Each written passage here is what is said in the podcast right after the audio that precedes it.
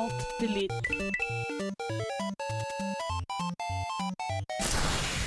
Unable to comply.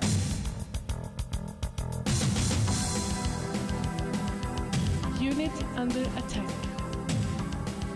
Auto shutdown. Sequence in progress. Ready to serve, my lord. Hei Trondheim, og velkommen til nok en Kontroll Alt Elite-sending her på Radio Revolt. Vi er Trondheim sitt spillmagasin, og vi skal lose deg gjennom nok en onsdag full av spillnyheter med alt fra Norwegian Game Awards, Gamescom, to anmeldelser og svaret på vår Darksiders 2-konkurranse. Så hold deg her på Radio Revolt for det nyeste innen spill.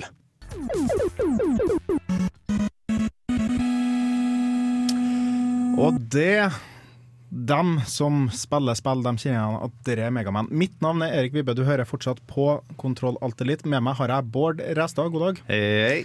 Hvordan det går? Det går greit nok. Ja. Jeg, er det, jeg overlever, Ja. det er for sikkert. Ja. Hvis er- ikke så har ikke jeg snakka på radioen nå. Nei. Nei. Du, du er klar for å få nye medlemmer og nytt semester, nye Yes. spill. Alt er bare klart? Det er jeg klar for. Ja. Ja. Det er godt med ut meg gamle, inn meg ny og alt mulig. Og i vår eh, serie med vikarer så har vi i dag Aksel, god dag. God dag. Eh, Du trives i tilværelsen her i nerderommet. Ja, det kjennes vel egentlig som å komme hjem. Det er ikke så veldig mye mindre nølete i blyforgiftning, det kan jeg love. Nei, for du kommer fra Blyforgiftning, og Stemmer. du har også ditt eget program på søndager som heter Nashville heter det. Mm. Hver søndag klokka fire kan dere tune inn og høre en bakfull stykke meg. Spille country og blues og i det hele tatt sitte og være groggy. Ja. Og dette sender noen på lufta. ja Og noen eh, hører på det også. Ja, Forhåpentligvis deg. og rett etterpå så hører jo meg, så det er jo en eh, double whammy. Vil jeg kalle det i hvert fall. Bård, eh, hva har du spilt i det siste? Jeg har tatt og runda Sleeping Dogs, Oi. og jeg regner med at vi kommer til å gå inn i mer detaljer på det senere i programmet. Mm. Men akkurat nå så har jeg lyst til å gå litt inn i eh, Settlers of Catan, som Oi. jeg endelig har fått spilt. Brettspillet? Brettspillet. Å, ja. Jeg har aldri spilt det før, og så kom jeg hjem en dag og fant tak i to av de i bolaget med. Begynte å spille det på kjøkkenet. Jeg bare satt med det og sa jeg har lyst til å spille. Og etter en time med lesing av regler, bokstavelig talt, så begynte vi å spille, og det var ikke like komplisert som det jeg var redd for, og det var masse artigere enn det jeg håpte på. Ja. Så hvis du har tilgang til Settlers of Catan og ikke har spilt det, så anbefaler jeg at du prøver det ut. Ja. Aksel, har du noen spilltips eh, til dem som det, hører på? I det siste har jeg jo spilt eh, litt CS for å prøve Go. Mm. Det er litt eh, moro. Jeg har også spilt et indie-game som heter Botanicula, oh, ja. som er tilgjengelig på Steam. 6-7 euro eller noe sånt. Vel verdt det, og du blir i utrolig godt humør, for det er veldig, veldig søtt. Hvilken sjanger kan vi Eh, Det er et adventure. Det er klikken, eh, point and click, Ja. er det. Ja. Men eh, det er, det er jo laget i Flash, og det er tydelig, da. mm. Men fortsatt veldig, veldig morsomt. Ja. Kan anbefales. Sjøl har jeg tråla mye kickstarter i siste for å se etter nye prosjekt. Og Broken Sword Det skal komme en ny Broken Sword. Folk kjøper masse ting der. Kickstarter, og så bare søker dere etter Broken Sword. Det er en point and click adventure game fra Revolution Software, tror jeg de heter. Og den har en veldig kul trailer òg, den. Veldig fin trailer. Eh, Du får se Nico og George Stobart da interakte med liksom directoren, og det er sånn skikkelig sånn heartwarming, i hvert fall for meg. Som, eh, det var en av de første point and click adventure-spillene som jeg spilte, i hvert fall da. Men eh, vi er tross alt en radiokanal, og vi må høre litt mer musikk. Her får du nydelige Baroness med låten 'March to the Sea'. Baroness med 'March to the Sea' fikk du der. Nydelig låt. Veldig fornøyd med den. Dere spilte eh, mye av det på blyforgiftning sist sending, hørte jeg. Det gjorde vi. Vi kjørte gjennom sju-åtte forskjellige Baroness-låter. Mm. Ett fra hver eneste utgivelse. Ja, så hvis du likte det, så kan du høre på blyforgiftning. Bård, har du noen nyheter til meg? Yes, uh, Dawnguard kom uh, nylig ut, vel, i hvert fall hvis du tenker å spille på PC-en. Eller PS3? Ja. Eh, spilte på Xboxen, så var det langt tilbake Dongard kom ut, men for oss andre så er det nylig. Mm. Og nå kommer den neste expansion packen, utrolig nok ganske kjapt. Og den er ganske annerledes fra Dongard, men litt like seg, fordi at begge to er litt sånn appellerer til tenåringsjenter. Dawnguard er, er vampyrer, og nå så he- kombinerer vi Skyrim med The Sims. Yes. For i eh, Heartfire, som det heter, så kan du ta og bygge ditt eget hus. Og da mener jeg bygge bokstavelig talt. Du tar og finner tak i eh, arkitektplaner, og så tar du og finner tak i råmaterialer og bygger som en snekker til huset her nå. Du velger hva slags rom du vil ha, og hva slags interiør, og du innreder med alle disse kamptrofeene dine og alt mulig rart. Og når du har en heim du endelig er fornøyd med, så tar du og får kona di inn, og du adopterer et par unger, så ansetter deg husholderske og til og med en sånn bard, hvis du vil det. Eget, eh, egen jukebox i form av en bard der altså. Yes. Eh, ta her nå vel komme ut på Xbox den 4. september allerede. Og de nye guddommelige vet når den kommer ut på PlayStation 3 og PC. Ja. Jeg kan vel si at eh, jeg vil gjøre alt annet i Skyrim enn å ha en bard til i spillet.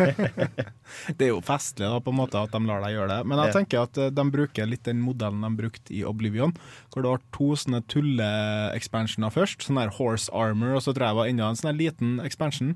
Og så kom det en større en. Selv om uh, kanskje Dalengard var relativt stor, så tror jeg fortsatt at det kommer til å komme en veldig stor en om ikke så altfor lenge. Det kan være. Jeg mener at det går med for da Fallout 3 og Fallout New Vegas-modellen, hvor det var sånn ca. fem totalt det var. Det varierte litt av kvalitet, men uh, jeg håper nå på at vi ikke har sett det beste expansion packen ennå. Mm. Eh, I andre nyheter så kommer det en ny Plants vs. Zombie om ikke så altfor lenge, faktisk. Eh, det er ikke så mange detaljer om eh, hva det er, men enkelte har vurdert om det ikke skal være sånn play for free. Sånn at du tar og laster ned spillet, og så tar du og, som i League of Legends, kjøper enkelte planter som du har det artig med. Og da kommer de sikkert ut med nye planter sånn en gang i måneden, og så må du bruke dem da på de nye brettene som de også sikkert designer. Ja, det har vært Det tar jeg ikke satt i stein, men det, det er vel spekuleringer fra et- vår og andre sine side. Men Ja. det er en veldig fin modell Ja, dersom det har kommet ut med den. Og jeg syns at eneren i Plants vs. Zombies var festlig. Og Det, jeg kan godt tenke meg å bruke litt penger på en ny en, rett og slett. Mm. Og i andre zombie-nyheter så har nå eh, The Walking Dead episode 3 kommet ut. Jeg har ikke tilgang til stasjonær-PC-en min, så jeg bare sitter og irriterer meg over at jeg ikke kan spille. Men alle dere som har tilgang, vær så snill spill Walking Dead, fordi at det er kanskje en av de beste spillene som kom ut i år. Oi, såpass. Det var en varm, varm anbefaling fra Bård Ræstad. Eh, vi skal eh, fra zombier til eh, mer eller mindre Hva skal vi kalle dem? Prepubertale folk i eh, ungdomsskolen. Ja, du hadde nå ikke ant det på klesstilen at noen av disse gutta hadde passert puberteten, det kan jeg vel si det som så. Låten er askefast. Her får du Ungdomsskolen på Radio Revolt.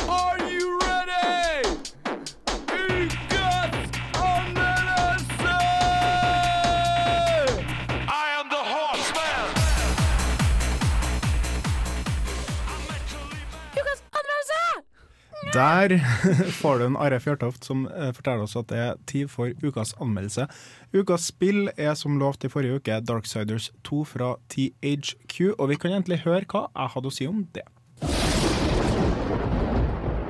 Da landet brøt det fjerde seilet, hørte jeg den fjerde skapningen rope.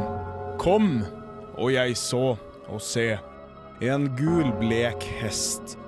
Rytterens navn var døden, og dødsriket fulgte med ham. Darksiders 2 av THQ kaster deg inn i rollen som Death, en av apokalypsens fire ryttere. Du skal gjennom en reise mellom tid og rom og dimensjoner redde din bror og helten fra eneren fra sin skjebne etter han dømte hele menneskeheten til døde. There can be no life without order. Good, evil, darkness, light. There must be balance in the universe. På ferden møter du mange forskjellige fantastiske skapninger, rir gjennom alt fra sagnomsuste skapelsesverdener til dødsriket, og slakter så å si alt som står i din vei. Er ferden til Death en episk fortsetning på et svært godt utgangspunkt i Darksiders, eller vil det bringe undergangen til den ganske unge spillserien?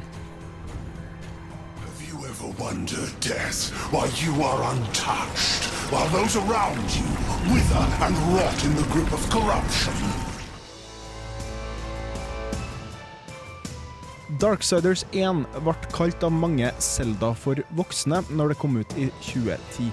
Man tok rollen som knallharde War, enda en av apokalypsens fire ryttere. Hvor Zelda hadde fløytespilling, fisking og epona, hadde Darksiders demoner, blod og en brennende hest kalt Ruin. Mange av elementene var dog like. Begge spillene var i tredjeperson og hadde templer med finurlige oppgaver som skulle løses, og begge spill hadde en stor verden som du kunne utforske. Darksiders 2 følger mye av oppskrifta fra eneren. Death får etter hvert som spillet går fremover, verktøy for å klare oppgavene som templene, eller dungeons som det kalles, krever. Det kan hende man forviller seg i et sideoppdrag som ikke har noe med spillets hovedoppdrag å gjøre. For sånne sideoppdrag eller sidequests er det mange av. Spillet florerer med små duppeditter som kan samles, hentes, skytes ned eller drepes. Dette faktumet forsterkes nå som spillet har gått bort ifra å ha standardiserte våpen og rustning. I stedet for dette har hver fiende en sjanse til å gi et par nye sko eller en bedre hammer etter du har drept dem.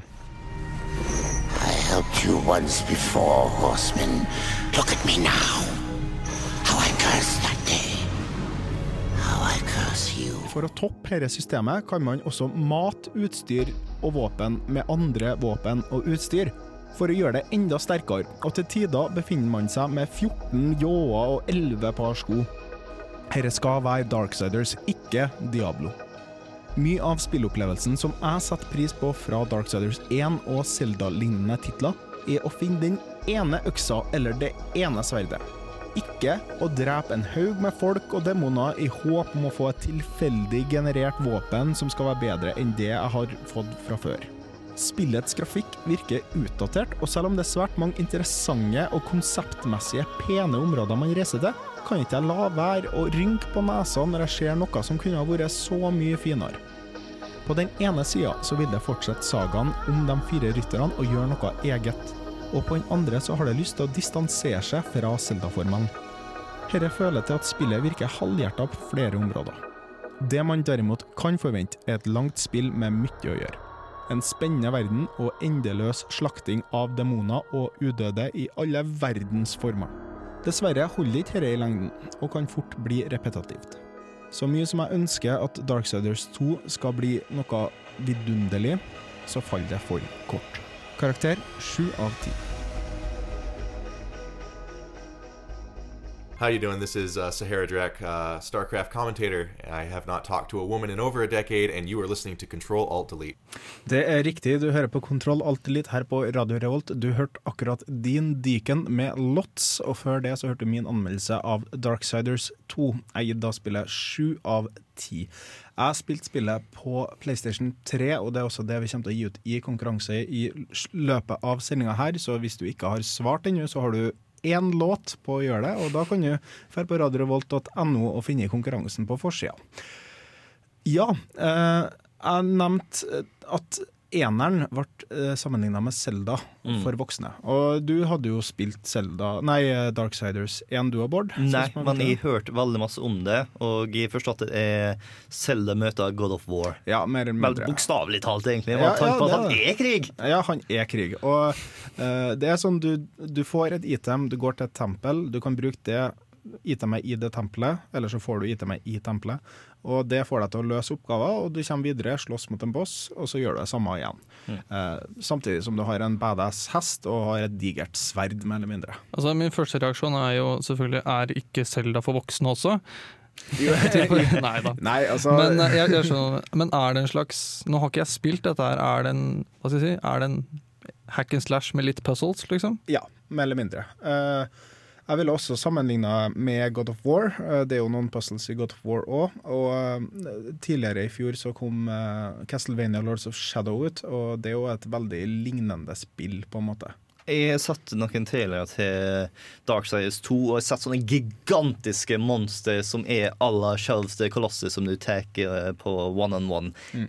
Er det likt Shadow of the Colossus, eller bare noe jeg innbiller meg? Eh, altså, det er noen digre monster, det er det, men du får aldri den følelsen som du får i Shadow of the Gloxus, at eh, herre må jeg klatre på, liksom. Eh, det er mer sånn her eh, Her har du en svær skapning som du kan drepe på et par forskjellige måter, liksom. Mm. Bare for å vise hvor usaklig badass du er. Ja, ikke sant. Du er jo døden, eh, og han er ganske badass. Um, men eh, det er et bra spill. altså Sju av ti er ikke en dårlig karakter. Langt ifra. eh, Selv, ifra selv Uansett hva terninger som blir kasta, sånn her, så syns jeg at sju av ti veldig holdbar karakter. Hvem er det som burde ta og kjøpe Darksiders 2? De Dem som burde kjøpe Darksiders 2, er dem som ikke får nok av Zelda, God of War og Castlevania, mer eller mindre. Uh, og uh, nå har jo spillet blitt mer uh, loot-basert, så hvis du leter etter en tredjepersons ja, altså behind the shoulder, tredjepersons Diablo-klone. Det er ikke akkurat det, da. Men hvis du liker å plukke opp lut, og gi det til annen lut, for så å få det lutet du gir det til, til å gå opp i level, da burde du kjøpe Darksiders 2. Eh, Det høres nesten ut som Diska EA, hvor du går inn i itemet for å levele det opp med å gjøre verdena i itemet. Men eh, så ille er det ikke. Det er et bra spill, og soundtracket er kjempebra. Det er laga av dansken som eh, navnet stikker av fra meg nå, men eh, han har laga f.eks. soundtracket til Hitman, Blood Money, et par andre kjente eh, spill. Så sjekk det ut. Eh, Eller så har du herre låten på å finne ut om du kan prøve å vinne det eller ikke. Her får du High As A Kite med I Roll My Eyes.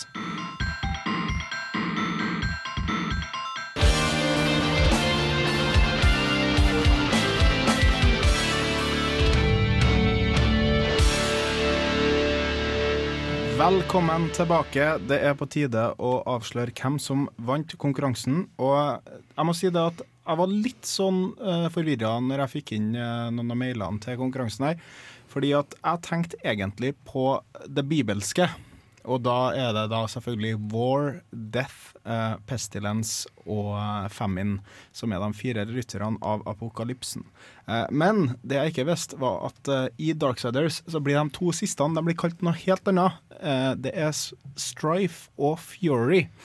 Eh, Så da ble jeg litt uh, forvilla når jeg fikk inn svar på det. Men vi har godtatt både begge svarene, rett og slett. Og um, så dem som vant, eller den som vant, er Anita. Hm?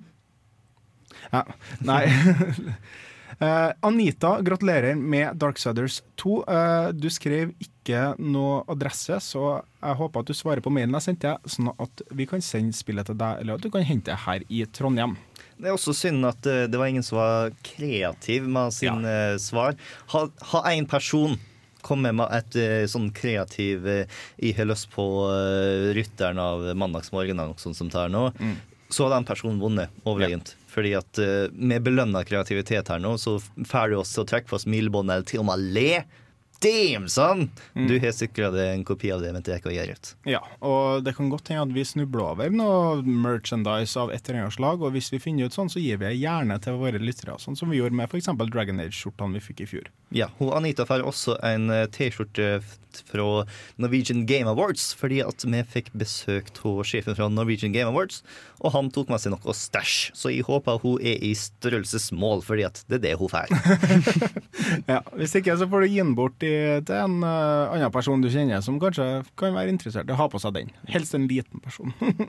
De heter kanskje ikke det. Vi skal videre i sendinga. Nå skal du få høre Nas med Bye Baby. Kontroll, Alt Delete. Today we made a difference. Eagle 6 out. Du hører fortsatt på Kontroll Alt Delete. Og Aksel, jeg rakk ikke å spørre deg eh, tidligere i programmet. Hva liker du å spille, rett og slett? Eh, tradisjonelt er jeg egentlig en FPS-gamer. Mm. Jeg har spilt veldig mye FPS-er gjennom livet, og så har jeg også en sweet har en sånn, eh, Jeg er litt svak for sånn postapokalyptiske spill. Altså det er, Ja. Fallout er kult. Men jeg er veldig glad i Stalker. Veldig glad i Metro. Liker friheten og Det er ikke så mye frihet at de gjør noe i Metro, men altså det er, jeg liker friheten i Stalker, muligheten til å løse ting på egen måte. Deus sex, er det noe for deg? Ja, litt. Det er, ikke, det er sånn midt imellom for meg. Ja. Ja. Nei, men uh, du har anmeldt Unity of Command. Er noe du vil uh, fortelle lytterne før vi uh, setter i gang? Ja, Unity of Command finner sted i 1942, og for de av dere som ikke er helt oppdatert på historien, så var det en liten kjøretur fra Tyskland på vei i retning Moskva.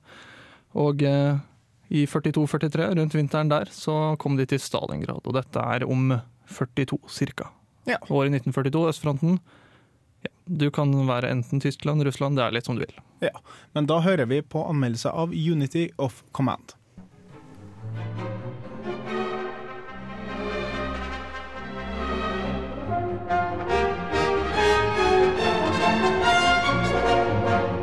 Det er tredje runde i min vei mot Stalingrad, og min dataskapte motstander har nettopp kuttet forsyningslinjene mine.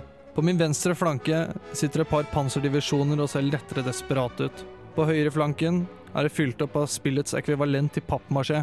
Ungarsk, italiensk og rumensk infanteri. Jeg gjør et siste fremstøt og må nok innse at jeg ikke når Volga denne gangen heller. Men la oss ta det fra starten. Jeg spiller Unity of Command, et relativt nytt tilskudd på stammen av det som kalles war games. En sjanger preget av realisme, kompleksitet og fans som klager om det er feil diameter på tannhjula i motoren til en T3476A. For de innvidde minner dette her om Panzer Command. For de som ikke er innvidde, ja, Advance Wars. Men la oss ta tilbake til slagmarkene.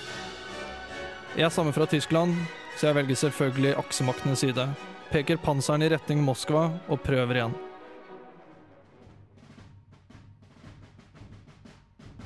Det første som møter deg, er et enkelt brukergrensesnitt. Så tilsynelatende enkelt at selv mest uerfarne kommandør skulle kunne flytte sine styrker rundt omkring uten vansker. For så å tape katastrofalt. For dette er neimen ikke så lett som det ser ut som. For å manøvrere effektivt her må du kjenne den enkelte enhets styrker, svakheter, dens erfaring, og du må kjenne terrenget. Men viktigere enn alle disse faktorene er forsyninger. Har du ikke drivstoff, får du ikke kjørt. Har du ikke kuler, får du ikke skutt. Og spiser ikke soldatene dine, ja, så dauer dem. Unity of Command har ved å legge til forsyningslinjer skapt en fantastisk dynamikk, hvor disse enkle linjene gjennom landskapet former selve basisen i hele spillet. Angrepet og forsvaret ditt lever og dør på en linje du må for guds skyld holde. I motsetning til mange andre strategispill blir ikke målet her å ødelegge fiendens styrke ved vanlig makt. Sult de heller ut. Her må jeg gi ros. Når du først taper, når du først blir banka, og det blir du, de første fire timene dine, kan jeg love deg, så er det ikke urettferdig. Det er bare en bekreftelse på at du ikke er der helt ennå.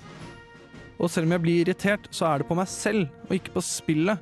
Den kunstige intelligensen jukser ikke, den er simpelthen flinkere enn meg. Spillets scoringssystem er veldig enkelt. Hver gang du utkjemper et slag, så får du action points. Skårer du nok av disse i et slag, så får du gå videre. Du kan også ved senere anledning ta ut disse i form av forsterkninger under andre slag. Problematikken her er, som i så mange andre spill, at de er too awesome to use. Så her sitter du i siste oppdrag med alle dine oppsparte action points og tør ikke sette inn en ekstra panserdivisjon. Og her er- kommer også et av spillets store problem, nemlig det at du kan vinne slaget, men ikke få nok action points til å gå videre. Det kjennes veldig unaturlig å vinne slaget og innta byen og innta målet, og så blir fortalt at mm, ja, du greide det, men ikke helt. Dette til tross så er Unit of Command det beste wargamet på veldig, veldig lenge. Det enkle interfacet og dype gameplayet gjør det mulig for både den nye til å prøve og den garvede til å bryne seg.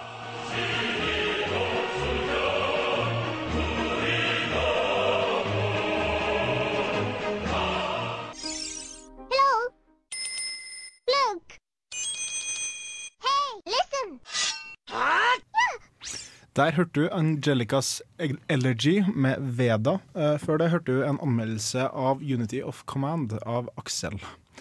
Det er et wargame. Hva legger du i det? Uh, wargame, det jeg legger i det, er at eh, det er et strategispill. Ja, wargame generelt er strategispill. Og det er strategispill som har et element av realisme som er fraværende i veldig mange andre strategispill. Okay. Og i andre spill generelt. Det er som nevnt, det er folk som bryr seg om dimensjonen på tannhjulene i motoren, liksom. De oh, ja, spiller ja. wargames som ofte. Det er Ja. realistisk, og hvis du kan noe om taktikk i virkeligheten, så skal det gjerne hjelpe deg her òg, da. Mm. Nei, for jeg vet at det finnes masse brettspill som er basert mye mer på realisme enn andre brettspill, på en måte. Eh, jeg kan eh, nevne Access and Allies, kanskje litt mer avansert måte av risk enn det andre igjen, ikke sant? men det finnes også enda verre, Mm. eller bedre, da, kan du si, hvis du liker sånn type detaljepirking. Eh, for det er vel det, eller altså Ja, og det er i wargames generelt så har du veldig veldig mange av de er turbaserte og kunne faktisk regelrett gått inn og vært brettspill. Mm. Det finnes, jeg mener jeg husker at det finnes faktisk brettspillervariant av det som heter Combat Mission også. Og det er eh, Jeg får mye glede av å spille disse spillene. Jeg syns det er morsomt. Mm. i hvert fall Unity of Command er unikt fordi det har en crossover appeal i det at det er Det ser ganske tilgjengelig ut. Det er ganske tilgjengelig. Rett og slett fordi denne basisen er forsyningslinjene dine. Mm. Det er liksom det viktige. Altså, Si du spiller Company of Heroes eller Starcraft eller noe sånt. Ofte blir det en sånn, ja, jeg bare, eller Red Alert for en saks skyld. Mm. Du bare maser en unit og stikker det over. Nå skal ikke jeg forenkle all RTS, alle. RTS-er ned i det, men i Unit of Command så er det ikke det som er poenget. Du, det hjelper ikke at du har ti panserdivisjoner. Nei.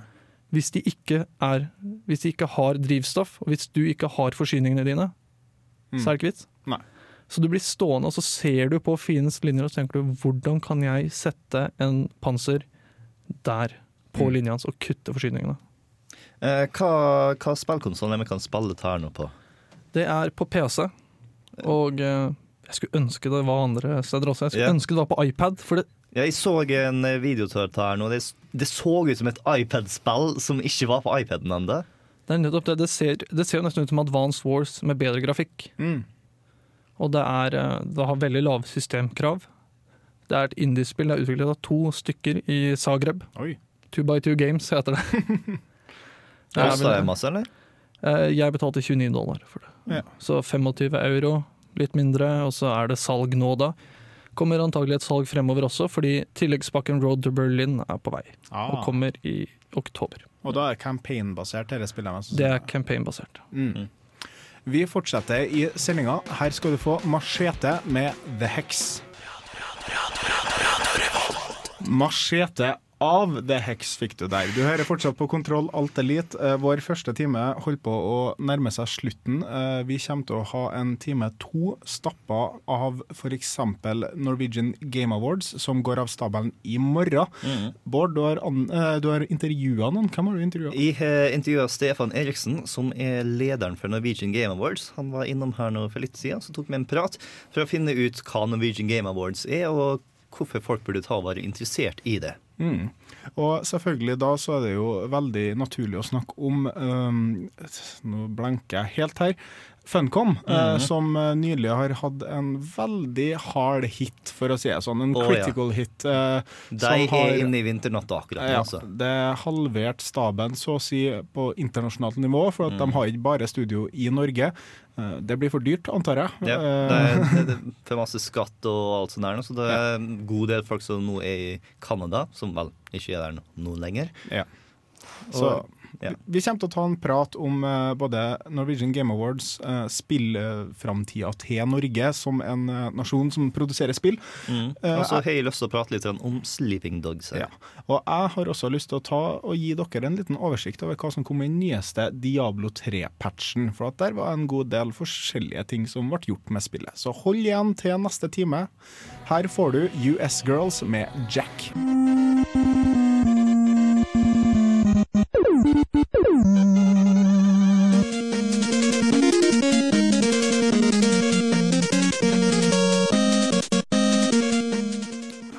Og velkommen til time to av Kontroll Alt Elite her på Radio Revolt.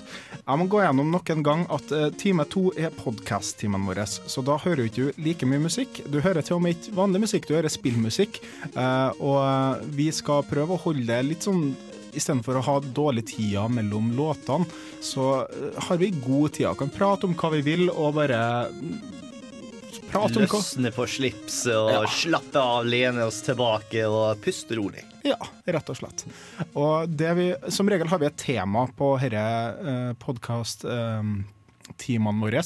Denne gangen så er det hovedsakelig Norge og hva som skjer med spillindustrien i Norge. Fordi at uh, vi har hatt, Tidligere så har vi hatt besøk fra utviklere i Hamar. Yep. Eh, de het så mye som Serepta Studio. Serepta Studio, ja. Og vi vet jo om Funcom fra- fra før. Mm. Det, så det finnes faktisk spill som blir utvikla i Norge. For ikke å nevne Naval War Arctic Circle. Ja. At, at Norge kan produsere noe så nerdete som det, hvem skulle trodd? Ja, uh, og altså, det spillet fikk jo veldig hva skal jeg si eh, Krass kritikk. Krass Ja. kritikk. Men jeg tror at sånn som du er til War Games, så er det garantert noen som er sånn til så hyperrealistiske eh, strategispill som Naval eh, Arctic Naval, Arctic Naval, hører du? Eh, Naval Naval Warfare! ja, det er krigsspillet på vannet utenfor Norge. Med, Hvem var det som var statsminister? Ja? Det var han eh, Å, kulturministeren og kirkeministeren. Trond Giske. Trond Giske, den karen Ja, som jeg ikke liker i det hele tatt. Radioen har et Få se på fregatten, din Giske. vi, vi i radioen har et ganske anstrengt forhold til Trond Giske etter han tok 24-7-konsesjonen vår. Yeah. Men nok om det. Eh, er du ny lytter, så ville vi bare at du skulle vite at her i time to så er det spill som regel et tema, lengre eh, snakking, for å si det sånn, diskusjon. Eh, åpent for eh, det meste, egentlig. Og du kan fortsatt nå oss på nerd.radiorevolt.no om du har noen forslag fra noen andre utviklere eller ja, norske. Eller hvis du har lyst på et tema vi skal ta og snakke om i time to. Mm. Fordi at uh, vi tar veldig gjerne imot tema, for av og til så sitter vi bare sånn ah, hva skal vi snakke om denne uka her, nå? Ah! Så da har det vært veldig fint med en mail ifra dere. Mm. Og det kan være så Vi har hatt alt fra japanske spill, hadde vi, og det endte Mm. opp med at jeg snakka i én time, mer eller mindre. Vi har, vi har hatt uh, topp ti-lista. Mm. Spillskurker, spillhelter og spilljenter. Mm. Og eh, rett og slett alt mellom himmel og jord. Mm. Um, og i time to, som jeg nevnte, så spiller vi kun spillmusikk. Og her er kanskje en av de mest kjente, i hvert fall fra Japan. Um, composerne, eller da Hva heter det på norsk? Komponistene. Komponister. Eh, Mm. Nobu Uematsu. Eh, Dette er fra Final Fantasy sitt eh, orkesteralbum som nylig kom ut. Her får du Final Fantasy 7 Advent Children. Commander Shepard, and this is my favorite podcast on the Citadel. Det er sant. Det er din også, forhåpentligvis. I hvert fall på Citadel. Uh, du hørte der Nobu Matsu eh, fra soundtracket fra filmen 'Advent Children', som kom ut fra for ja, må være fem år siden nå, kanskje? Noe sånt, ja. ja.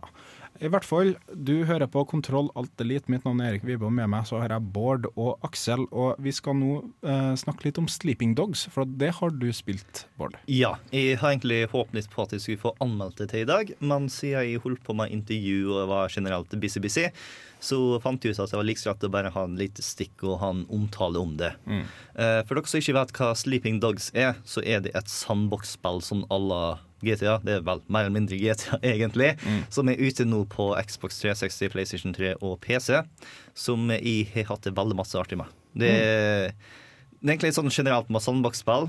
Når jeg setter meg ned med et sandbox-spill, så er det så vanskelig å reise seg igjen, fordi at du har hele tida noe å gjøre. Og det har du i Sleeping Dogs også. Jeg føler det samme med Darksiders uh, 2. Uh, du, Mm. får, du har quester overalt, du har alltid noe du kan lete etter. Det, du kan ri bare litt rundt i la- landskapet, eller i ditt tilfelle kjøre. da. Uh, det jeg har bedt meg litt merke i, i Sleeping Dogs, er at uh, du kjører på venstre side. Ja, og det er kjempeartig. Vanligvis så kjører jeg i feil fil i sandbox-spill uansett, men uh, nå så gjør jeg det automatisk. Ja, og- uh, det er merkelig og Det merkeligste er ikke det at du kjører i feil fil, fordi at hei, jeg bryr meg ikke så masse om fil uansett. Det er hvor du setter inn på bilen. Ja, ja, ja. For jeg føler som de setter meg inn i passasjersetet hver eneste gang jeg skal ta og kjære en plass. Men jeg har hørt til og med at briter sliter med å gå inn, for at de er vant til å gå inn på høyre side i TV-spill. Ikke sant? Mm. Og derfor så setter de seg inn i passasjersetet, dem òg, selv om det faktisk er øh, venstre side av veien de bruker å kjøre på. Jeg tenker jo uansett Vi må være politisk korrekt og akseptere folk av alle filer. Men Selv om Altså- Bård kjører i begge og ikke bryr seg så mye om filer. Men, men er dette et storskalaspill? Altså er dette et big budget-spill? Dette er nytt for meg. Altså jeg holder meg ganske oppdatert på spill, men jeg gamer på PC. Det er ikke et gigantisk uh, skalaspill, nei. Hvem har gitt ut? Det er gitt ut av eh, Square Enix. En gang i tida så var det Activision som skulle gi ut her nå. Mm. Og det skulle ha hett noe helt annet? Ja. eh, Historien er at utvikleren her nå har lyst å ta og lage sin egen eh, crime-spill, hvor eh, det var satt i Hongkong. Mm. Og så kom Activision og sa hei, her med massevis av penger. Du, forresten, vi har da serien her nå som heter True Crime, som vi ikke har brukt på en stund, og vi har lyst til at du tar og bare kaller spillet for Cru- True Crime Hong Kong. Og så sa jeg ah, vel, dere har penger, så OK, men vi har egentlig lyst til å gjøre det på vår sin måte. Mm. Og så eh, jobba det en stund, og så fant Activision ut at nei, ta spillet her nå eh, har vi ikke trua på lenger, så ha det bra til dere. Og så kom eh, Square Enix, som har på den perioden bestemt seg for at nå tar vi og stepper litt vekk fra det japanske markedet, og så ser vi på hva de vestlige utviklerne kan gjøre, og fant tak i de folka her nå. Og sa her, her er dere en del penger, ikke like masse som Activision-penger, men likevel penger, og dere får kalle det akkurat det dere vil. Mm. Dermed ble Sleeping Dogs født. Ja, for da døde jo også Just Cause 2 eh, for jeg tror det var to år siden, som også ble produsert av eh, Square Enix, mm. eh, eller i hvert fall utgitt. da.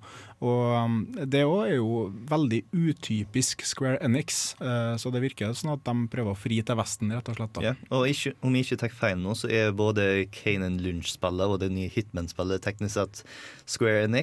Det skal du ikke se bort ifra. Ja, Uh, før Edios ble kjøpt opp av deg, så Mm. dermed ble også det første Batman Arkham Asylum-spillet Square oh, Enix. Ja. Det er masse rart du ikke skulle tro var Square Enix, men selv om Square Enix kanskje ikke har vært så imponerende som de japanske rollespillene sine siste, så har de gjort noen veldig smarte valg på det vestlige markedet. Mm. Sleeping Dogs er et veldig godt eksempel på det. Men det jeg har hørt som kritikk til Sleeping Dogs, er at det er som alle andre spill, bare litt dårligere. Eh, det, er liksom, det er litt GTA, men ikke like bra. Det er litt Mm. Batman i slåssestil, men det er ikke like bra. Det er litt Just Cause med frihet, men det er ikke like bra, liksom. Ok, men nå må jeg ta og påpeke at alle de spillene som de ikke er like bra som, er spill som er fantastisk gode. Ta her Ja er toppen av kremen av De emnene. Det beste av det beste. Så at Sleeping Dog ikke er like bra som deg, det kan du nesten ikke forvente, for Sleeping Dogs gjør ikke tar noe dårlig. De gjør det bra, men ikke fantastisk. Altså, vi kan si en jack of all trades, master of none. Klassisk situasjon. Men hvor får jeg tak i dette? her? Er det Steam, liksom? Du kan ta og kjøpe på Steam, ja, men uh, du finner det også i alle butikkene.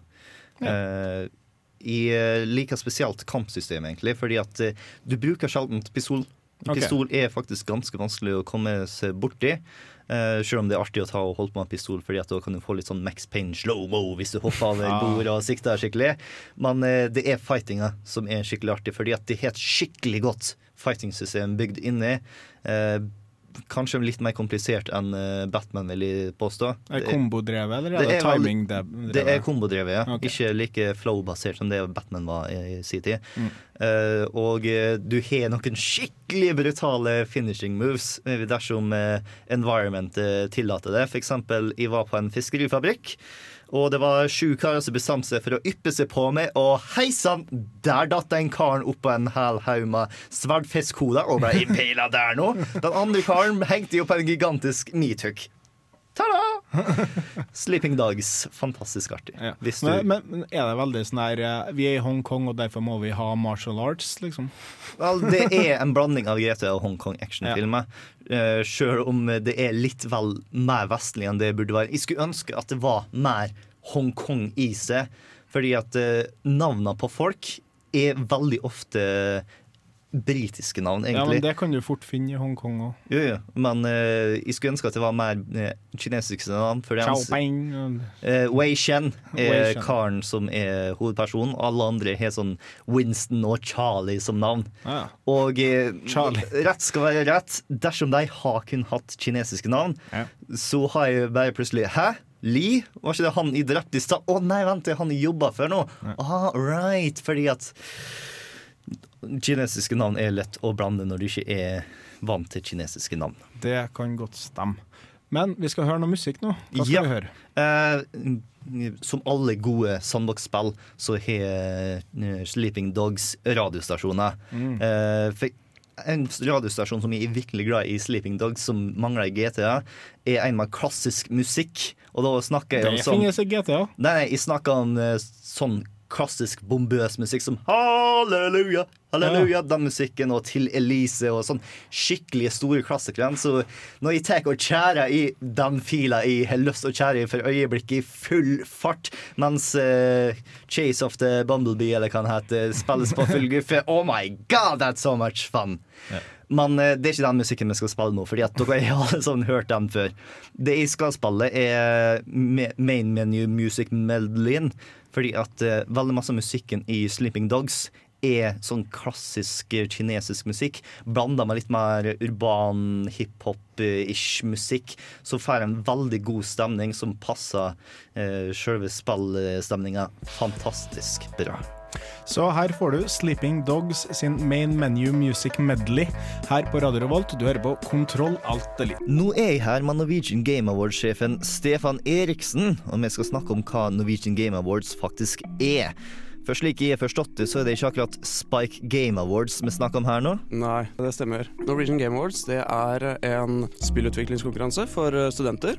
Alle studenter i Norge kan delta i vår konkurranse. Vi prøver å motivere studenter da, i Norge til å faktisk eh, jobbe med spillindustrien og lage spill. Vi eh, ser på spillindustrien i Norge at den er litt liten, og vi ønsker å gjøre noe med det. Så vi deler ut eh, ganske mange pengepremier til studentprosjekter fra hele Norge.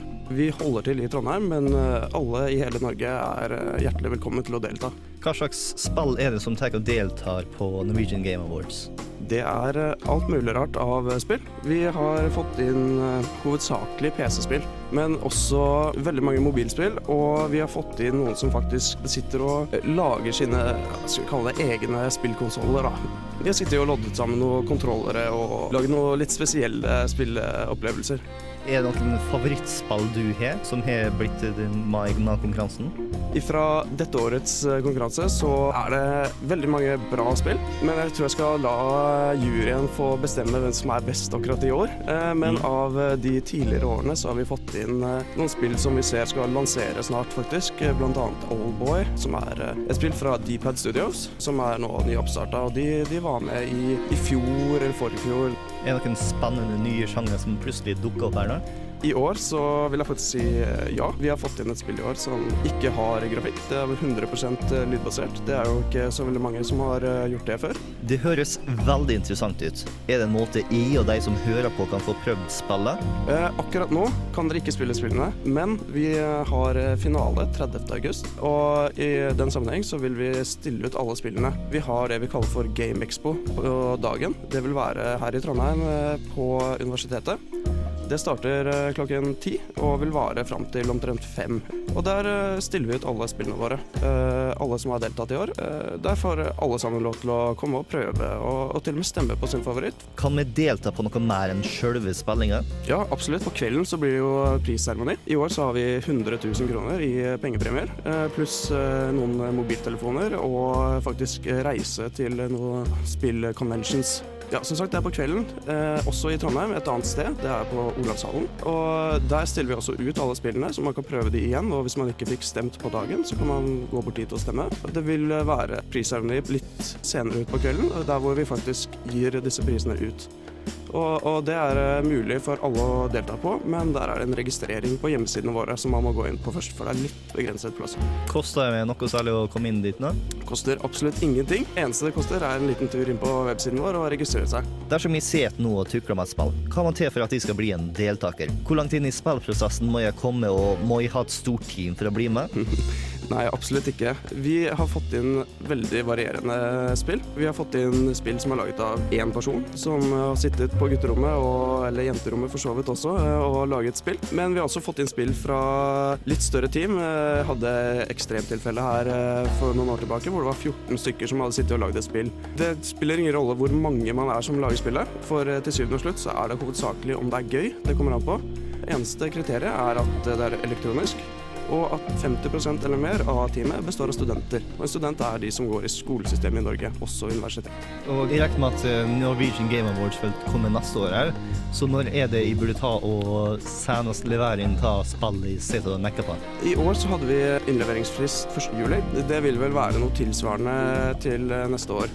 Det er jo egentlig bare å begynne å jobbe på spillet sitt nå, og det kommer informasjon eh, til neste år da, når eh, innleveringsfrister er. Fordi dere kommer til å arrangere til neste år, og forhåpentligvis mange år fremover. Og for det så trenger dere folk, og sånn som jeg har forstått det, så tar dere opp folk akkurat nå.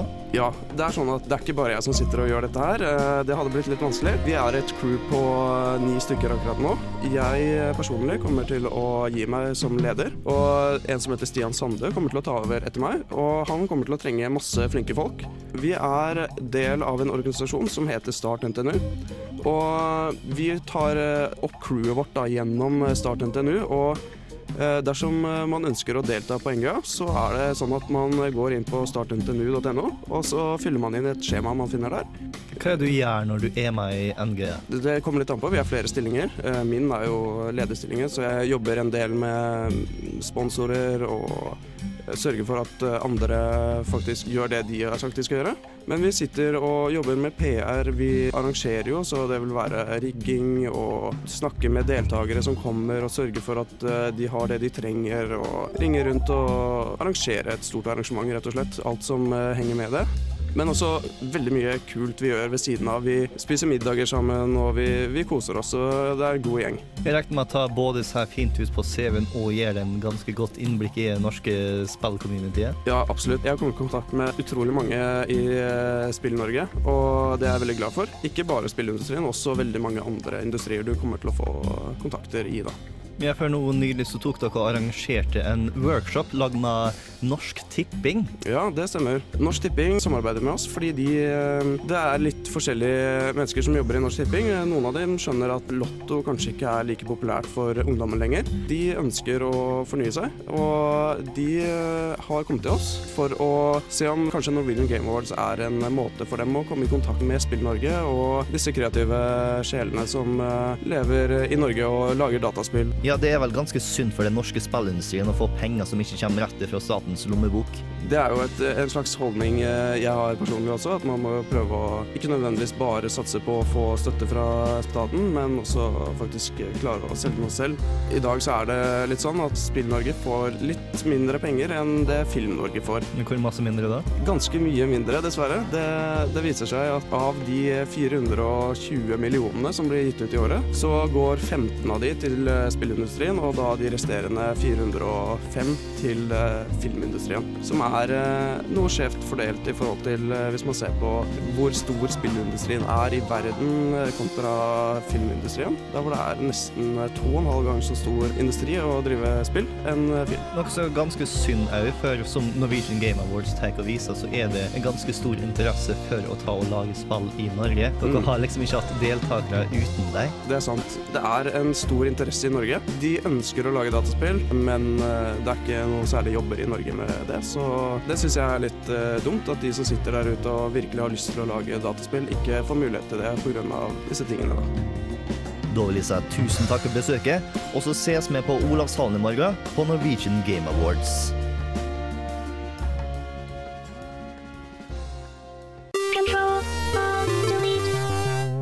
Der hadde vi et eh, intervju av Bård Restad. Nei, var du? Bård Restad. Med. Yes. Ja, av. Unnskyld. Jeg kan ikke stemme der i dag. jeg. Det var et intervju av Stefan Eriksson, som er, Eriksen, unnskyld, som er leder for Norwegian Game Awards. Eh, dersom dere tok og blingsa litt ut mens eh, intervjuet gikk, så kommer Norwegian Game Awards til å gå av staben i morgen, torsdag, eh, på Olavshallen klokka sju. Eh, der så er det 18 års aldersgrense, så hvis du er under 18, så er det litt kjipt. Hvis du er over 18, så er det veldig kult, fordi at du får gratis øl. Og det sier ikke noen nei til. Kanskje ekstra fint for de Funcom som ønsker å drukne noen uh, salgstall eller noe sånt. Ja. Eh, Så hvis du har lyst å spille norsk indiespill og har lyst på gratis øl, så har du nødt å ta og registrere det, fordi at de har kun et visst antall folk de kan ha i publikum. Eh, vi har lagt ut link på Facebook-sida vår, som er Radio Revolt, presenterer Kontroll Alt Elite. Eller du kan bare få inn på gameawards.no og finne tak i eh, det du skal ta og skrive inn der nå. Men jeg antar at du må melde deg opp nå. Ja, det er smart å gjøre det så tidlig som mulig, fordi at eh, folk har kanskje lyst på gratisøl og norsk Ja. indiespill. Og dette er en mer eller mindre nerdefest. Mm. Det er det nærmeste vi kommer en stor tilsetning av eh, hva skal jeg si, en eh, feiring av norsk spillutvikling. Yeah. Og det er jo så absolutt noe som må feires. Mm. Selv om du kanskje ikke har kjøpt noen eller sett noen norske spill bortsett fra Secret World det året her, så syns jeg at uansett vi har fortsatt noe eh, krigsskipsspillet vårt, Ja, ja. men eh, det, det, Nei, det nevner vi. Poenget er at vi må være litt nasjonalistiske her, Yes. for det er vi ikke nok av i Norge, tydeligvis. Nei, det er derfor de bruker opera, fordi at de er patriotiske. Ja, se der. Og eh, jeg, jeg syns bare at vi må stille opp til det. Og så blir det nok en heidundrende fest etterpå, antar jeg. Med masse, masse nerdeprat. Håper jeg, i hvert fall. Mm. Vi kommer til å være der med mikrofon og det hele, eh, og intervjue noen eh, players, for å Mm. si det sånn. Eller da utviklere, mer eller mindre. Så hvis dere ser noen Radio Revolt T-skjorter, så er det ikke ulovlig å ta og pirke oss litt på skuldra og si hei, hei, jeg hører på Kontroll alltid litt. Om vi ikke står og snakker med noen med mikrofon foran. Da- kanskje da, men da, da venter vi litt. Da venter du, og så prikker du på. Mm. Ja. I hvert fall, veldig bra intervju. Eh, jeg føler at eh, det er mange ting som Jeg er nå på en måte er litt sint på filmindustrien, føler jeg, i Norge. Nå kom de med det der Kon-Tiki-greia. Den kan jo ikke bare ha vært uh, laga av den norske stat, Nei. merke, men eh, fortsatt. Det viser jo på en måte ei skjevfordeling, da, eh, Mm. føler jeg, i de midlene som blir tilegna spillindustrien. Ja. For som han sa, så er jo den dobbelt så stor på verdensbasis Mm. enn filmindustrien. Ja, og eh, det nordmenn, eller de folka som holder på nå å lage norske spill, burde ta prøve på, er å finne tak i privatinvestorer. Mm. For eh, jeg skulle ønske at det var bare å si til staten kutt ut her nå, gi oss mer penger til spill, og så sa OK. Men sånn er det ikke. Så eh, vi trenger private investorer, sånn som eh, norske tippefolka. Ja. Men eh, Norsk Tipping. Norsk Tipping, det er det, det ordet som forsvant fra hodet for en eller annen grunn, men ja, ja. Eh, jeg er ikke helt sikker på hva slags folk som det er smart å spørre. Jeg er ikke den som holder på å lage norsk spill for øyeblikket, men forhåpentligvis er de smart på å finne tak i personer som har lyst til å investere penger i Terna, som ikke nødvendigvis er EA eller Activision. Norsk Hydro. Kom igjen. Ja, men hvorfor ikke? Faen, de er jo tjukke av penger. Aluminiumssimulator, det nye spillet fra Norsk Hydro. Ja, vet du hva? Hvis du drar på Vitensenteret i Midtbyen, så er det en oljesimulator der. Oljeplattformsimulator. Mm. Og du skal ikke se bort ifra at noe sånt blir på- er- outsourca til jeg, jeg er ganske sikker på at det er norskprodusert. Ja. Ja. For da jeg var på en Join Game Workshop, så var det noen som presenterte denne oljeplattformsimulatoren sin. Ja. Altså, si det på den måten da. Det finnes en farming simulator. Det finnes en uh, sånn simulator hvor du kjører søppelbil. Ja. Det finnes en hvor du renser gater. Jeg hadde definitivt jeg, ikke definitivt. Jeg hadde kanskje spilt en simulator som var å drive en fabrikk som lagde aluminium, f.eks. Mm. Det kunne vært kult. Mm. Det er en type sim som faktisk slår an. Ja. I hvert fall hvis du legger det ut i Tyskland, for de spiller Ja, alt ja, ja. bare så simulator bak. Ja, Eurogames kalles det i betegning. Jeg selger en del spill når jeg jobber på game, og i simulatorene går det veldig masse av. Du skulle ikke Det tro det. det. Det gjør det! Men Og er, hva, med er aldersgruppa? det er gjerne de som er ungdomsskoleelever, noe sånt som det. Ja. De plukker opp eh, farming simulator, eh, ungdomsskoleelever eh, nedover, egentlig. Og eh, gaffeltrucksimulator. It exists! Holy shit. Altså, bare si på måten. Jeg gleder meg nå som en liten unge til DCS P51D-simulatoren kommer ut.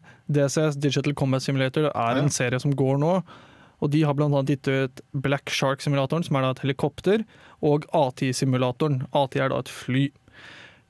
Manualen til AT-simulatoren er rundt 800 sider lang, og det inkluderer 300 sider historie.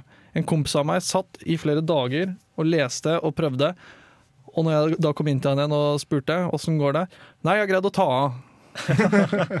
han brukte en dag med gaming på å sitte der og finne hvilke knapper. Altså For dette er en fullstendig modellert simulator. Og en A10 har i cockpiten flere hundre knapper. Grunnen til at jeg gleder meg til P51D-simulatoren, er fordi den har noen sånn, sånn 70 knapper.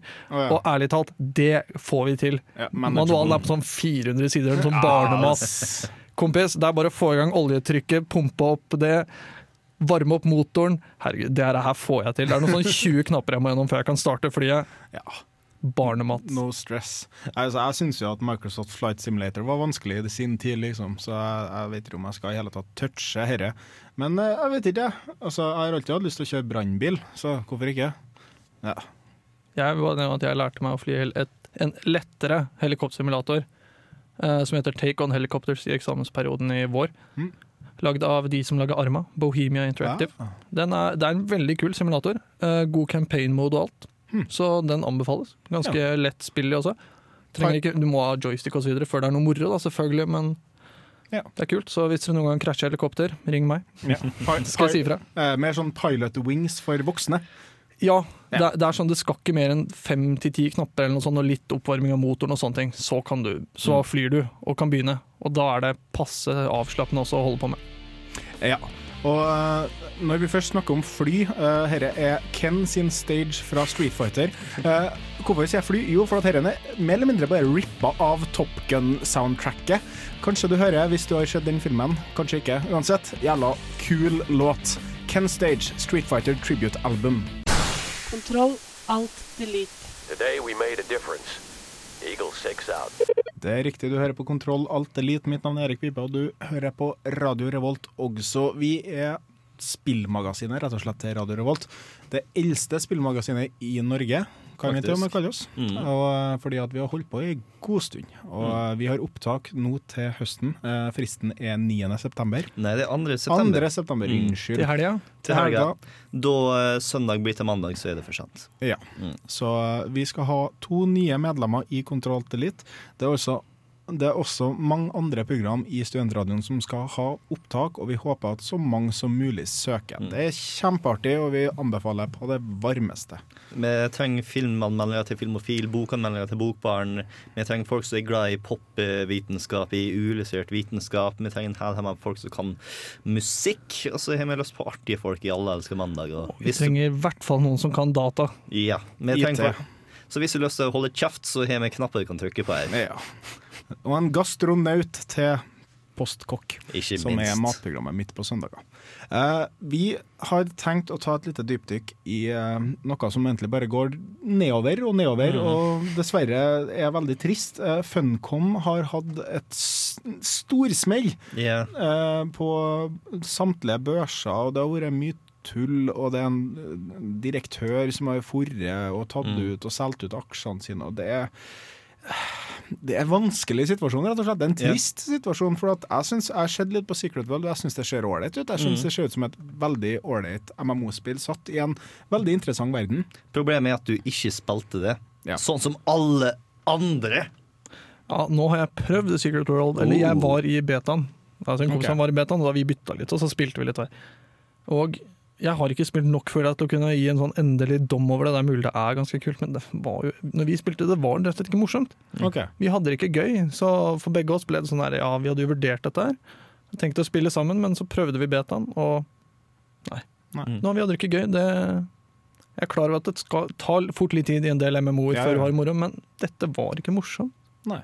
Kanskje er det det som har gjort det. Anmeldelsene har vel heller ikke vært det helt store. Midt på treet. Eh, Den norske anmelderen har faktisk gitt det opp i 80, men det kan være fordi at de er patriotiske. Ja.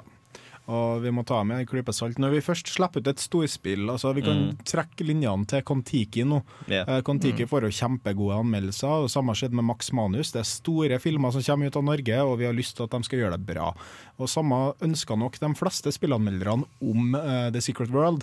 Og da kan det hende at man blir litt farga av eh, flagget, rett og slett. Yeah. Ja. Men uh, hva er det som har skjedd i Funcom nå, Bård? Vel, nå skal vi ta, prøve å gjøre det litt sånn kronologisk. Eh, rett før spillet ble utgitt i juli, 3. juli om jeg ikke tar feil nå, Mm. så tok eh, Funcom-sjefen og eh, trappa ned. Han bestemte seg for at nei, nå har jeg fått nok. Jeg har fått Secret World eh, på plass, og nå tar jeg og sier farvel, og jeg tar med meg aksjene mine. Mm. Så han eh, solgte aksjene sine og tjente to millioner kroner på det. Og så ble det sluppet ut, og ingen brydde seg. Det var Til tross for at det var midt i juli, da de har muligheten til å dominere Mm. eh, snakkisen i hele spillindustrien, så var det knapt nok noen som tok og snakka om det. Ja. Eh, og til dags dato så er det litt over 200 000 spill som er blitt solgt. Ok, Og ja. det er ganske lavt, spesielt når det er en MMO-RPG, fordi at du trenger et høyt antall spillere for at et MMO-RPG skal være skikkelig. Det jeg føler var mye av problemet, var at jeg, jeg hørte ikke nok om det. Nettopp. Eh, Det var en beta, OK, det fikk jeg med meg. Og så var jeg plutselig ut. Mm. Eneste grunn for at jeg visste at det kom ut, var fordi at jeg jobba i en spillbutikk. Ja. Jeg fikk beskjed ok, nå kan du begynne å selge Secret World. Det var alt! Ja. Det var ikke noe plakat Eller ikke plakater. Det er jo, er ingen, viral marketing, Nei. ingen marketing på nettet. Jeg syns Det ikke jeg så noe. Pressfire har noen eh, sånne annonser på sida. Ja, men det er der de skal ha. Nei. Altså, Det er preaching to the choir å begynne Ja, å legge ut ja. eh, spillreklame på Pressfire. For at de Mm. vet, Leser du Pressfire, så er du så gira at du veit at Secret World er ute uansett. Og IGN, kanskje. De, altså, Ja. Selv om det har sikkert kosta en boatload, så jeg tror du har tjent på det. Jeg kan Ja. i hvert fall ikke huske å ha sett noen annonser på IGN. Nei, og de burde hatt mer eh, PR-stunt og fått mm. mer intervjuer og slengt ut noen launch-trailers. Om de gjorde det, så burde jeg ha gjort det bedre, for eh, Vis dem til det- oss, rett og ja, det var altfor tyst. Mm. Eh, og eh, når, før spillet ble utgitt, så var aksjen til Funcom verdt 20 kroner. Nå er den verdt to kroner. Så det er et ganske dypt fall. Ja. Noe som har ført til at eh, sånn ca. halvparten av de 340 ansatte blir nå tvangsperminert ifra Funcom. Permittert, ja. Mm. Eh, men eh, som vi nevnte tidligere, så holder jo store deler av spillselskapet til i Canada. Mm. Det er på grunn av eh, hvordan norske skatt, ja, skattene Canada er mer eller mindre mekka for alle spillutviklere for tida. Det er det. Eh, Spillutviklere og animasjon òg. Mm. De er masse bedre på å oppfordre til kulturskaping enn det Norge er, dessverre. Ja. De fleste land. Eh, Mm. Canada er best, mest sannsynlig. Og Mm. de, de har gjort dette til en nisje, og det funker for dem. De tjener masse penger på det. Ja. Og i de aller fleste Hollywood-filmer, når de sier 'ta her nå er en storby i eh, Amerika', nope, ta der nå er Vancouver. ja, jeg tenkte å si Vancouver. Ja, eh, eller når de skal på Alpene på ferie, så får de også, også til Canada. Ja. Men eh, ja, videre. Hva skjedde etter eh, direktøren gikk av? Vel, uh, han har nå blitt anklaga for inside trading. Han Ja. eh, har fått De mistenker at han har fått inntrykk i hva slags salg det ville vært, og derfor solgte før aksjene gikk ned. Men hvem er det som anklager han? Er det faktisk myndighetene? For, Eh, men er det, for det er, her er en forskjell. Hvis, det er jo utrolig alvorlig hvis han er anklaget faktisk av myndighetene i Norge for å inside trade, eller om noen i en blogg Ja, altså- antyder at han inside trader. Det her er det jo en enorm forskjell. Ja, Det står her at på Investorforum uttrykker mange småaksjonærer noe frustrasjon over situasjonen og anklager ledelsen i Funcom for å ha løyet overfor andre aksjonærer. I en finansoppdatering trekker Trygve Hegnar fram emisjonen i juni som mistenkelig, og spør om de som har tegnet emisjonen til 15 kroner i juni, hadde informasjon om verdiene i selskapet. Så det er altså noen her som har prøvd å eh, høyne verdien på noe som eventuelt ikke var så verdifullt likevel. Mm. Eh, Uh, ta var forresten ifra Pressfire, bare som er helt kilden på Eh, riktig plass. eh, og i, I Amerika ville man uten tvil gått til søksmål mot selskapet, legger de til. Mm. Så der er ståa for Funcom akkurat nå. Eh, Ja, de eh, Planene framover for deg er at jeg skal ta og prøve å ha en oppdatering på Secret World en gang i måneden, Ja. sånn at folk fortsetter å betale abonnementet. De, i, så vidt de vet, så har de ikke planer om å gå free to play ennå. Noe de egentlig burde gjøre, fordi Ja. at det er kun to MMO-RPG-er som klarer å overleve på eh, abonnement akkurat nå. Vov. Det er Vov, og det er det evige unntaket som er EVE Online. Ja. liksom, du har økonomi i verdensrommet, og folk er sånn OK, take my money. ja. Nei, men vi går videre til en låt du har plukka ut til oss, Aksel. Hva er vi skal høre nå? Eh, Lyden av min barndom er eh, det vi skal høre nå, The Elder Scrolls 3 Morrowind.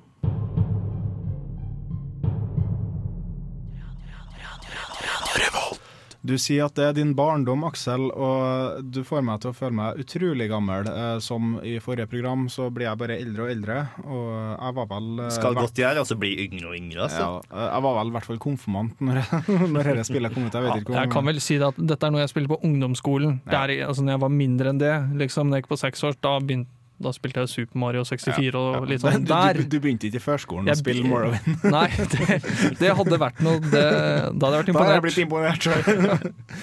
Men uh, fra Morrowind til et annet spill som var i mange en barndom uh, på 90-tallet, Diablo. Uh, Denne gangen Diablo, Diablo nummer tre. Det kom en patch her forleden. Det var 1.04, mener jeg, og den tok og mer eller mindre revampa hele spillet. Vi skulle egentlig snakke om den forrige sending, men vi rakk ikke det. For vi, vi snakker om så mye, og det går så fort tid. Og, i hvert Det var liksom, Vi måtte ta all den informasjonen vi ville ha fra sommeren som var. Så datt den litt på bakleksa. Ja. Og det som har skjedd da, mer eller mindre, er at uh, hele loot-systemet har blitt forandra, i og med at legendaries nå er uh, en ting som du har lyst på. For at Før det så var ikke det så kult å få en legendary. Du fikk liksom et sånn sword of impending doom, eller hva faen du skal kalle det. Og det var liksom Ja, men jeg har et blått et som er like bra. Hvorfor skal jeg bytte ut med dette brune? Eh, det var liksom bare eye candy, det var ikke noe annet. Men nå er det da eh, legendaries som er tingen. Jeg klarte faktisk på mine to første spilletimer på Diablo 3 med den nye patchen, så fikk jeg to legendaries. Det var ganske sinnssykt. Jeg har ikke fått noen etter det, eh, men eh, jeg vet ikke, jeg kanskje de bumpa opp første dagen bare for å få noen i flyt. Mm. I hvert fall, det er mye artigere å spille Diablo nå enn det var før patchen. Eh, De har lagt til 100 leveler til. Det er ikke da reelle leveler, det er Paragon-leveler. Det vil si at uh, de har lyst til å fase ut det som, de statsene som heter Magic Find og Gold Find. For De affekterer jo egentlig ikke karakteren din på noen annen måte enn at du får mer lut. Så for hver Paragon-level så får du 3% Magic Find og 3% Gold Find. Opp til en maksimum 300 sånn som jeg forstår det. Pluss en sånn her buff som du får når du dreper Ja, uansett, da. Så jeg, jeg syns at det er et steg i riktig retning. Men jeg, jeg skjønner ikke helt den kritikken som kommer mot Diablo, når alle sammen har lyst på Diablo 2 og det er Diablo 2 vi får bare i oppdatert versjon. Og så klager de fortsatt på at hei, vi har jo ikke noe å gjøre. Det hadde du ikke i Diablo 2 heller. Det bare tok lengre tid, og det var mye mer strevsomt. Det er vel fordi at eh, moderne gamere er bortskjemt. Vi har lyst på alle de tingene som gjør det enklere å spille, og all den utfordringen vi har fra gamle dager. Det er litt paradoksalt, egentlig. Og I kjølvannet av denne patchen så sa den skaperen av Diablo 1 og 2 han sa noe sånt som Herre var ikke sånn jeg har kommet til å gjort det. Og da kom det også en ansatt hos Blizzard eh, som sa på en Facebook-komment som jeg, samtlige spillsider plukka opp, han sa eh, 'fuck that dude', mer eller mindre. Og det ble en sånn stor dramagreier av. Men altså, jeg tror nok ikke han har kommet til å gjort det på den måten. Eh, men det er fortsatt et veldig bra spill. Hvis du har lyst på masse masse lut og drepe ting veldig fort, spill Diablo. Det er et ålreit spill for akkurat det det er, rett og slett. Er det noen av dere som har spilt Diablo i hele tatt? Jeg har ikke rørt det i hele tatt. altså. Hei, tekniker vinker. Ja. Vi har i hvert fall én kompis her på Radio Revolt som har spilt Diablo. Hvis du har lyst til å snakke om Diablo, eller hva som helst, så kan du sende en mail til nerd.radiorevolt.no. Du kan også dra på samfunnet.no slash opptak og søke deg inn til programmet. Vi kan ikke få sagt dette nok, for vi har lyst på mange søkere, sånn at Mm. vi finner den beste eller de to beste Yes. eh, tilskuddene til vårt program, sånn at det blir best mulig. Mm. Og hvis du kjenner noen som har passa seg til programmet her nå, så ikke vær redd for å ta og tipse deg. Nei, anbefale til dem, for at vi er ganske hyggelige folk, egentlig. Mm. Ja. Vi har lyst til å bli venn med deg. Ja. Hjelp oss! Hjelp oss. Og da får du være med på alle festlige tingene som foregår på Samfunnet. Du får lov til å være med en del av en veldig, eller en av hva skal jeg si, mest tradisjonsrike uh, gjengene på Samfunnet Mm. i Radio Revolt, tidligere studentradioen i Trondheim. Vi har masse folk som gleder seg til å møte akkurat deg. Mm. Så søk på samfunnet.no slash opptak. Neste sending. Neste sending så kommer vi til å snakke en god del om Norwegian Game Awards. Siden Mm. det blir i morgen, så har vi tenkt å fare ut dit nå. Forhåpentligvis. Jeg har veldig lyst å få intervjua noen av de som tar og stiller et spill der nå. Gjerne en vinner òg. Så kanskje du får et intervju til der nå. Og Mm. dersom du får på Norwegian Game Awards og tar og ser noe du liker, ikke vær redd for å ta og sende inn en mail til oss og fortell din mening om det. Mm. Så det begynner egentlig å wrap up denne sendinga. Vi må takke Aksel for at han var så villig til å være supervikar for oss og gitt oss en anmeldelse av et spill som vi mest sannsynlig ikke har anmeldt. Vi må også trakke vår kjære tekniker Rune Stanna. Tusen hjertelig. Nå, uh, Istedenfor å bare få høre det av oss, så får du en liten oppsummering av våre sosiale medier her. Ha det bra. Ha det bra.